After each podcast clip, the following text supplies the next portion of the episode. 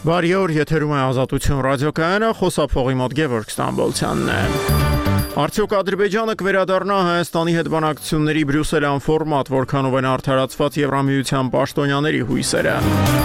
Հայաստանի սահմանադրության փոփոխությունն իրոք Բաքվի պահանջն է ազատության հետ զրույցում հայտարարել Իլհամ Ալիևի հատուկ բանագնացել Չինա Միրբեկովը։ Քաղաքացիական պայմանագրին Երևանի ավականու ընտրություններից առաջ արված նվիրատվությունների գործով քրեական գործ դեռ չի հարուցվել հաղորդում են դատախազությունից։ Առաջիկա րոպեներին կանդրադառնանք նաև միջազգային թեմաներին Ուկրաինայի նախագահը պաշտոնանկարեց զինված ուժերի գլխավոր հրամանատար Զալուժնոն հրապարակվել է Ռուսաստանի նախագահի հարցազրույցը Թակեր Կարլսոնին։ Նախ սակայն այս ժամի լուրերը ներկայացնում է Լուսինե Մուսայելյանը։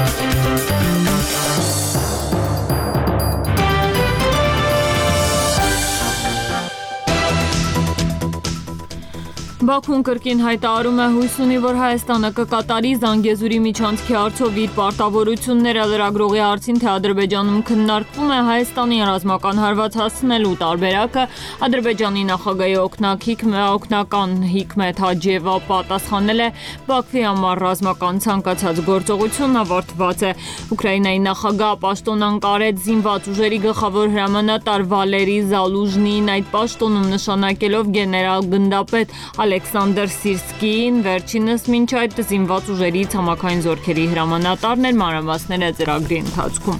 Վրաստանի խորհրդարանը քվեների մեծամասնությամբ հաստատեց նոր վարչապետ Իրակլի Կոբախիձեի գլխավորած կառավարության կազմը եւ ծրագիրը, երեք ներկայացնելով առաջիկա տարիների ռազմավարությունը Կոբախիձեն հայտարարել է իշխանության երազանքն է երկրում տեսնել 0% սախքատություն եւ 0% օկուպացիա։ 100-ը 100-ի դիմաց Ռուսաստանն ու Ուկրաինան երեք գերիներ են փոխանակել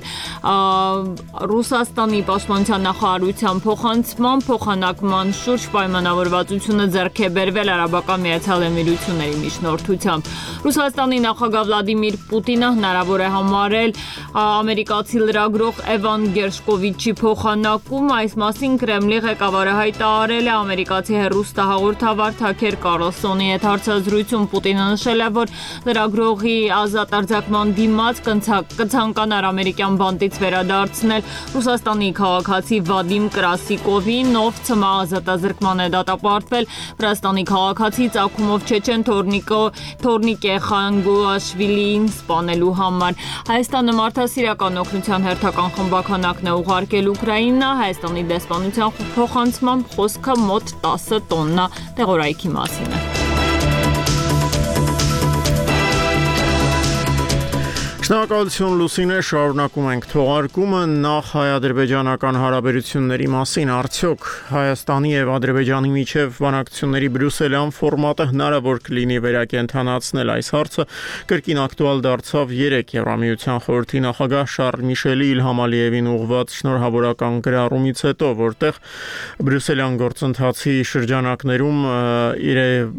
բանակցությունները վերսկսելու հանձնա Ադրբեջանի հանձնառության մասին էր գրել Եվրոպա Եվրոպացի պաշտոնյան ուշագրավ է սակայն որ Երևանում Բաքվի ստանձնած նման պարտավորության մասին դեռ տեղյակ չեն լսենք Աստղիկ Բեդևյանին Բրյուսելում հայ-ադրբեջանական բանակցությունների ժամկետների վերաբերյալ այս պահին չկա հստակություն տեղեկացրեց իշխանական քաղաքացիական պայմանագիր խմբակցության քարտուղար Արթուր Հովանիսյանը Ես չգիտեմ դա որքանով է այս պահին հողի վրա ռեալ բնականաբար Հայաստանի Հանրապետությունը եւս կողմ է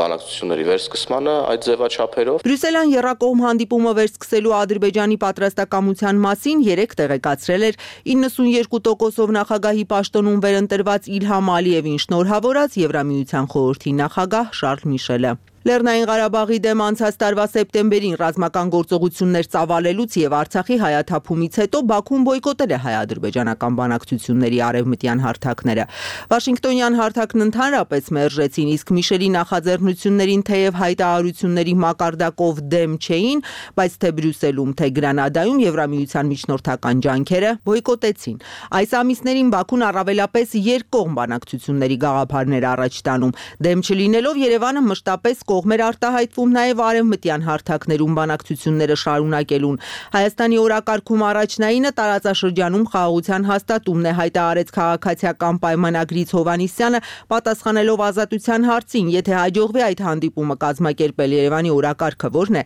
իսկ ահա այս ամիսներին Երևանի պնդած 3 սկզբունքները վերահաստատելու կարիք Հովանիսյանը չի տեսնում։ Հայաստանի Հանրապետությունի դիրքորոշումը հայտնել է, այդ դիրքորոշումը համաձայնեցվել է տարբեր ձևաչափերով եւ ես կարծում եմ, որ առնվազն կարիք չկա վերադառնալու ուրեմն այդ սկզբունքների վերահաստատմանը կամ վերստին դրանց անհրաժեշտության քննարկմանը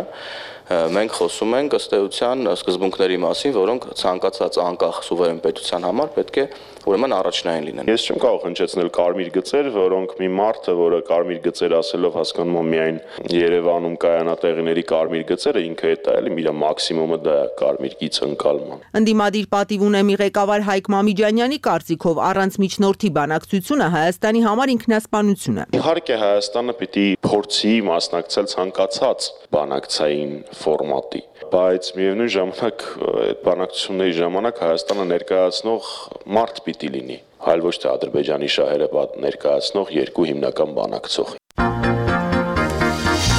Ուղիղ մեկ ամիս առաջ էր, որ Հայաստանի վարչապետը հայտարարեց նոր սահմանադրություն ընդունելու մտադրության մասին։ Արդեն 4-րդ շաբաթն է, ինչ Երևանում կարծիքներ են հնչում, որ իշխանությունները դա անում են Բաքվի եւ Անկարայի պահանջով, այդ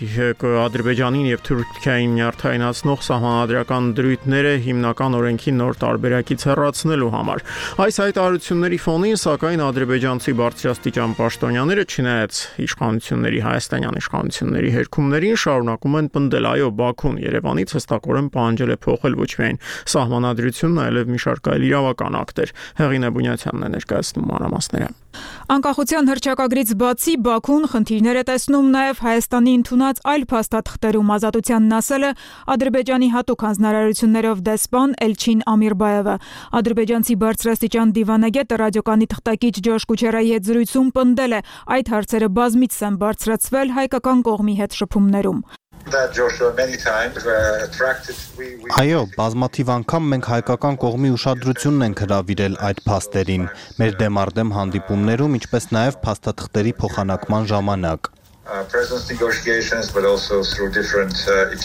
Ամիրբաևը կոնկրետ փաստաթղթեր է մատնանշել։ Օրինակ այն վերապահումները, որ Հայաստանի խորհրդարանն ընդունել է Ալմաթայի հրճակագիրը վավերացնելիս 1992-ին Գերագույն խորհուրդը 10 վերապահում էր ընդունել։ Դրանցից մեկն օրինակ առաջարկել էր միմյանց տարածքային ամբողջականությունը ճանաչելու մասին հոդվածը վերաշարադրել եւ այդ տեքստում ամրագրել նաեւ ազգերի ազատ ինքնորոշման իրավունքը։ Ավելի քան 30 տարի առաջ ընդունված այս փաստաթղթից բացի Բաքվի համար վիճահարույց է նաև Հայաստանի արտգործնախարարության պաշտոնական կայքը, որտեղ Ղարաբաղին նվիրված հատվածում ասվում է, թե Ղարաբաղը պատմական Հայաստանի անբաժանելի մասն է։ Ամիրբաևը որպես խնդրահարույց օրինակ նշել է նաև Հայաստանի կողմից մարդու իրավունքների եվրոպական դատարան ներկայացված վերջին հայցերը, պնդելով, թե դրանցում են եղել տարածքային նկրտումներ։ Հայկական կողմն ընդունում է, որ սա է իրականությունը, բայց ոչինչ չի արվում այդ փաստերը մեղմելու համար։ Հայաստանի արտգործնախարարությունը մերժել է այս մասին հարցերին պատասխանելու ազատության խնդրանքը։ Մինչ այդ արտգործնախարար Միրզոյանը ռադիոկանին տված հարցազրույցում չէր հերքել, որ այս թեմայով քննարկումներ եղել են եւ դեռ կլինեն։ Թե վերջին օրերին հատկապես Ադրբեջանում ավարտված նախագահական ընտրություններից հետո կարծիքներ են հնչում, թե Երևանի ու Բաքվի միջև բանակցությունները շուտով կվերսկսվեն արևմտյան հարթակներում, Բաքվի հատուկ հանձնարարություններով դեսպանը ազատությանն ասել է. Հայաստանն ու Ադրբեջանը բավականաչափ հասուն են մինչ օրս չհամաձայնեցված հարցերը ինքնուրույն լուծելու համար։ Մոտ երկու շաբաթ առաջ էր, որ Infocom կայքը մանրամասն մի հետաքննություն հրապարակեց, որով կասկածի տակ էր դրվում սեպտեմբերին կայացած Երևանի ավականու ընտրություններից առաջ իշխող քաղաքացիական պայմանագրին կատարված նվիրատվությունների օրինականությունը։ Կայքին հաջողվել էր ողջել, որ նվիրատվությունների մի զգալի մասն արվել է մարդկանց անունից, որոնք դրանց մասին որևէ տեղեկություն չեն ունեցել։ Արդյոք իշխող կուսակցության նախընտրական ֆինանսավորման այս ակնհայտ խախտման արդիվ իրավապահները պատրաստվում են ինչ-որ բան ձեռնարկել, փորձել է ողջել Շողիկ Գալստյանը։ Քաղաքացիական պայմանագրի դրամահավաքին առնչվող աղմկահարույց բացահայտումից մոտ 10 օր անց դատախազությունը քրեական գործ չի հարուցել։ Միայն նշում են, թե հրաապարակումն ուսումնասիրում են։ Թափանցիկ գործելավոճը խրախուսող վարչապետ Փաշինյանը թեև ծանոթ է իր ղեկավարած կուսակցությանն առնչվող աղմկահարույց հետաքննությանը, բայց երկու օր առաջ խորհրդարանի ամբիոնից որևէ պարզաբանում չներկայացրեց։ Ինչպես են Երևանի ավականու ընտրություններին ընթരാճ կասկածելի ցակման գումարներ փոխանցվել կուսակցության հաշվեհամարին։ Այս եզրակացությանն էին հանգել Infocom-ի լրագրողները ուսումնասիրելով նվիրատուների ցուցակը։ Ես ինքս էլ տեսել եմ այդ հրապարակումը եւ նաեւ մենք էլ կուսակցության ներսում քննարկում ենք այդ իրավիճակները եւ իրադրությունները եւ բնականաբար մտադիր ենք նաեւ parzabanել թե հասկանալ թե ինչի մասին է խոսքը կամ ինչու ինչը ինչի համար է տեղի ունեցել։ Բացի այն, որ քաղաքացիների անունից են անհայտ ցակման փոխանցումներ իրականացվել, նաեւ իշխանության հետ փոխկապակցված գործարարներին պատկանող ընկերությունների աշխատակիցներն են 2.5 միլիոն դրամ տվել ՔՊ-ին քարոզչական ծախսերի համար։ Հետաքննության հեղինակների տեղեկություններով սակայն փոխանցված գումարները հենց այդ ընկերություններին էլ պատկանում են։ Պարզապես քաղաքացիական պայմանագրին նվիրատվություն անելու համար բաժանվել են մարդկանց։ Սրանց եւս վարչապետը չանդրադարձավ, փոխարենը պնդեց, թե իրենց թափանցիկության շնորհիվ են այդ տվյալները հասանելի դարձել։ Կներեք հետաքննող լրագրողները որ դες գիտեն հետախուզական ծառայություններն են հայտնաբերել. Հայաստանի պետական մարմինների պաշտոնական կայքերից վերցրած տեղեկությունների հիման վրա կառուցած տեղեկությունը բայց թափանցիկությունը պոզով պոչով ալնում։ Քաղաքացիական պայմանագրի նվիրատուների ցուցակը մինչ այժմ որևէ պաշտոնական կայքում հրապարակված չէ։ Ավելին կուսակցությունը ամիսներ շարունակ մերժել է դրանք տրամադրելու վերաբերյալ լրագրողների հարցումները։ Իսկ ցուցակը փոխանցվել է միայն այն բանից հետո, երբ ինֆորմացիայի ազատության կենտրոնը դիմել է դատարան ընդդեմ քաղաքացիական պայմանագրի։ Ամիսների ընթացքում փորձ է արվել կապվել նրանց հետ, համոզել, բացատրել, որ այս տեղեկությունները չեն կարող գախնի պահվել ստեղծվել եւ նախընտրական եւ հետընտրական փուլերում փաստացի կուսակցությունը չի տրամադրել այս տեղեկությունները։ Սակայն անմիջապես, երբ որ դիմեցինք դատարան դեկտեմբերի սկզբին, հունվարի սկզբին մեզ հետ կապվեց նրանց ներկայացուցիչը եւ պատրաստակամություն հայտնեցին անմիջապես տրամադրել առաջարկելով համաձայնություն Ծրագրի այս հատվածում էլ տեղափոխվենք Սևան քաղաք Գյարքունիքի մարզի առաջին ատյանի դատարանում շարունակվում է 2023-ի հունվարին ազատ գյուղի զորանոցի վերածված տներից մեկում տեղի ունեցած տեղի ունեցած հրդեհի գործով դատավարությունը Արտակ Խուլյանն է ներկա այսօրվա դատական նիստին։ Դատարանում այսօր շարունակվում է 15 զինծառայողի մահվան պատճառ դարձած ազատի զինվորական կացվանի հրդեհի գործով վկա Լևոն Խարատյանի հարցակնությունը։ Նա պաշտպանական կողմի բոլոր հարցերին գրեթե նույն կերպ է արձագանքում, չէ չեմ հիշում։ Հարցին ինչու իր ծառայակից 15 ընկերները չեն կարողացել դուրս գալ կացանից այսօր ասած թե չգիտի, այդ հարցն իրեն էլ է տանջում։ Դուք ձեր համար չեք բացել, ոնց ստացվեց որ 15 հոգի մահացան։ Այդ ինչքան բոլորին այդ հարցը տանջում, նույնքան է ինձ է տանջը այդ հարցը, որովհետև 15 ընկեր եմ կորցրել, այդ իմ համար ասած այնպես թեթև բան չէր էլի, որ հիմա ես ինչ որ մի բան պահեմ կամ չգիտեմ, այդ տղեկի կյանքը տենց չպետք է լիներ։ Լևոն Խարատյանը վստահեցրեց հրդեհի ժամանակ ինքը դրսում է եղել, ներս մտնելիս հրդեհ է տեսել, սակայն չէր հիշում մտնելիս արդյոք ձայներ օգնության կանչեր լսել է։ Ասաց թե երբ ներս էր մտնում, կացանի դուռը չէր վարվում։ Ըստ Խարատյանի հետո ինքն ու գործով անցող 5 մեղադրյալներից գլխավորը Եղշե Հակոբյանը տագնապ են հնչեցրել ըստ քրեական գործի հենց կապիտաններ բենզինը լցրել վարարանի մեջ։ Վկան այսօր եւս պնդեց թե խոսակցությունները լսել, որ Եղիշե Պողոսյանը սեր է ունեցել թմրամիջոցների հետ։ Իսկ արդյոք իր զորամասկի զինվորները օգտագործել են, ասած չգիտի։ Ավելի վաղ Խարատյանն ըստ էության եւս պաշտոնական վարկածներ հաստատում։ Դուք նշեցիք ձեր խոստումում, որ Եղիշեն Ես չնշեցի, որ օգտագործած, ինքը ես գիտեմ սեր ունի, բայց չգիտեմ արդեն տենց կոնկրետ։ Հա։ Ինչ դա դες ինքը որ ասում սեր ունի, սեր ունենալը դու քիչ ավելի բաց է, դե բանը։ Դե տենց խոսակցություններ տենց շատ եմ լսել, որ ինքը տենց օգտագործում ա կամ չգիտեմ։ Թեմրանյութ։ Իդեպ ամբողջ ընթացքում, երբ զինծառայողը վկան գործով հայտարարում էր թե մանրամասները չի հիշում, դրանից հետո տուժող կողմի ներկայացուցիչը հայտարարեց, որ հակասություններ կան նրա նախաքննության ընթացքում տրված ցուցմունքների եւ դատանում տրված ցուցմունքների միջև այդ պատճառով միջնորդություն ներկայացվեց դատարան որպեսի հրապարակվի նախաքննական ցուցմունքը ինչն էլ այս պահին իրականացվում է դատախազը կարդում է Լևոն Խարատյանի ներկայացրած նախաքննական ցուցմունքը Այժմ միջազգային թեմաների մասին երեկուշ երեկոյան Ուկրաինայի նախագահ Վլադիմիր Զելենսկին հայտարարեց մի որոշման մասին, որի վերաբերյալ լուրերը շրջանառվում էին ամիսներ շարունակ։ Պաշտոնանկարվեց երկրի զինված ուժերի գլխավոր հրամանատար Վալերի Զալուժնին։ Արևմտյան մամուլի տեղեկություններով Զելենսկու եւ Զալուժնու հարաբերությունները սկսել էին վատթարանալ դեռ անցած տարի, իսկ հունվարի վերջին նախագահը գեներալին առաջարկել էր ազատման դիմում գրել Զալուժնին, սակայն դա չէր արել։ Լսենք Ազաբաբյանին։ Ուկրաինայի նախագահը փոխել է զինված ուժերի գլխավոր հրամանատարին Վալերի Զալյուժնիին փոխարինել է ցամաքային զորքերի հրամանատար գեներալ գնդապետ Ալեքսանդր Սիրսկին։ Я вдячна генералу Залужному за два роки захисту, Ես երախտապարտ եմ գեներալ Զալուժնիին երկու տարվա պաշտպանության համար։ Շնորհակալ եմ յուրաքանչյուր հաղթանակի համար, որ մենք ձեռք ենք բերել միասին, եւ շնորհակալություն ենք հայտնում բոլոր ուկրաինացի զինվորներին։ Մենք այսօր անկեղծորեն խոսեցինք այն մասին, որ բանակը փոփոխությունների կարիք ունի։ Відверто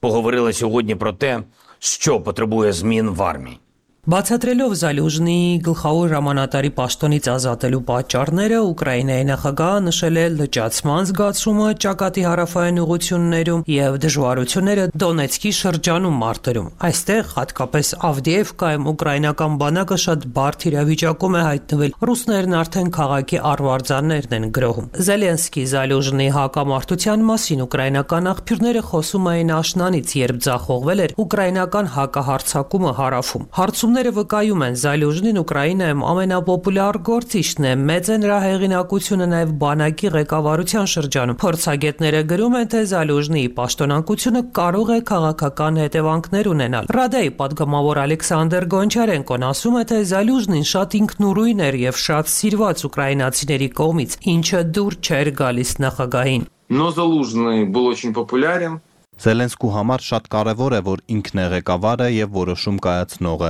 եւ այլ տարբերակներ չկան ու չեն կարող լինել։ Զալուժնիի պաշտոնանկությունը հարված է ուկրաինական հասարակության բարոյականությանը։ Զալուժնին շատ սիրված էր, նրան կապում էին այն հրաշքի հետ, որը Ուկրաինան կատարեց 2022 թվականի գարնանը, եւ շատերի համար դա կլինի դեպրեսիայի եւս մեկ պատճառ։ И, и для многих это станет таким, ну, еще одним поводом для депрессии.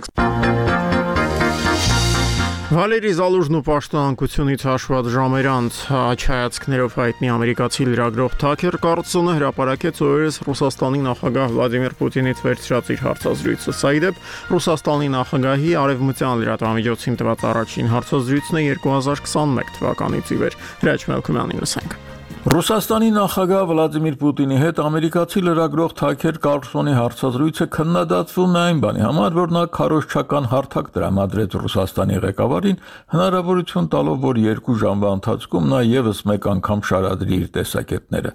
Fox News-ի նախկին մեկնաբան Թաքեր Կարլսոնը հայտնի է դավադրապաշտական տեսություններ տարածելու պահպանողական աչակողմյա հայացքներով հարցականի տակ է դնում նաև Վաշինգտոնի աջակցությունը Ուկրաինային։ Ուկրաինա ներխուժելու սկզբից ի վեր գրեթե 2 տարիների ընթացքում սա Պուտինի առաջին հարցազրույցն էր ամերիկյան մամուլին, որն այսօր առավոտյան Թաքեր Կարսոնը տեղադրել է իր կայքում։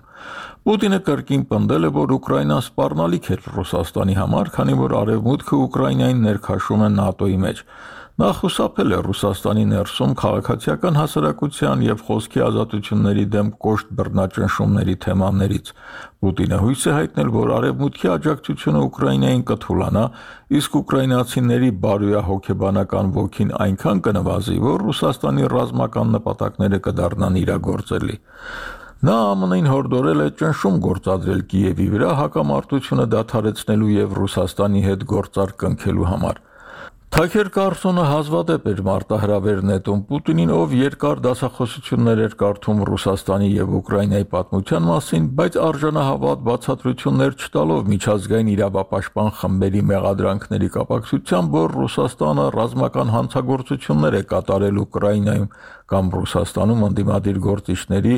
Ալեքսեյ Նավալնիի, Վլադիմիր Կարամուրզայի բանտարկությունների մասին, որոնց դեմ շինծում մեղադրանքները քաղաքական են թվում։ Նյու Յորքից քաղաքագետ Եվրասիա գրուպի նախագահ Յան Բրեմերը սոցցանցում գրել է, որ Պուտինը իր մեսիջները հաղորդեց այնպես, ինչպես ինքն էր ցանկանում։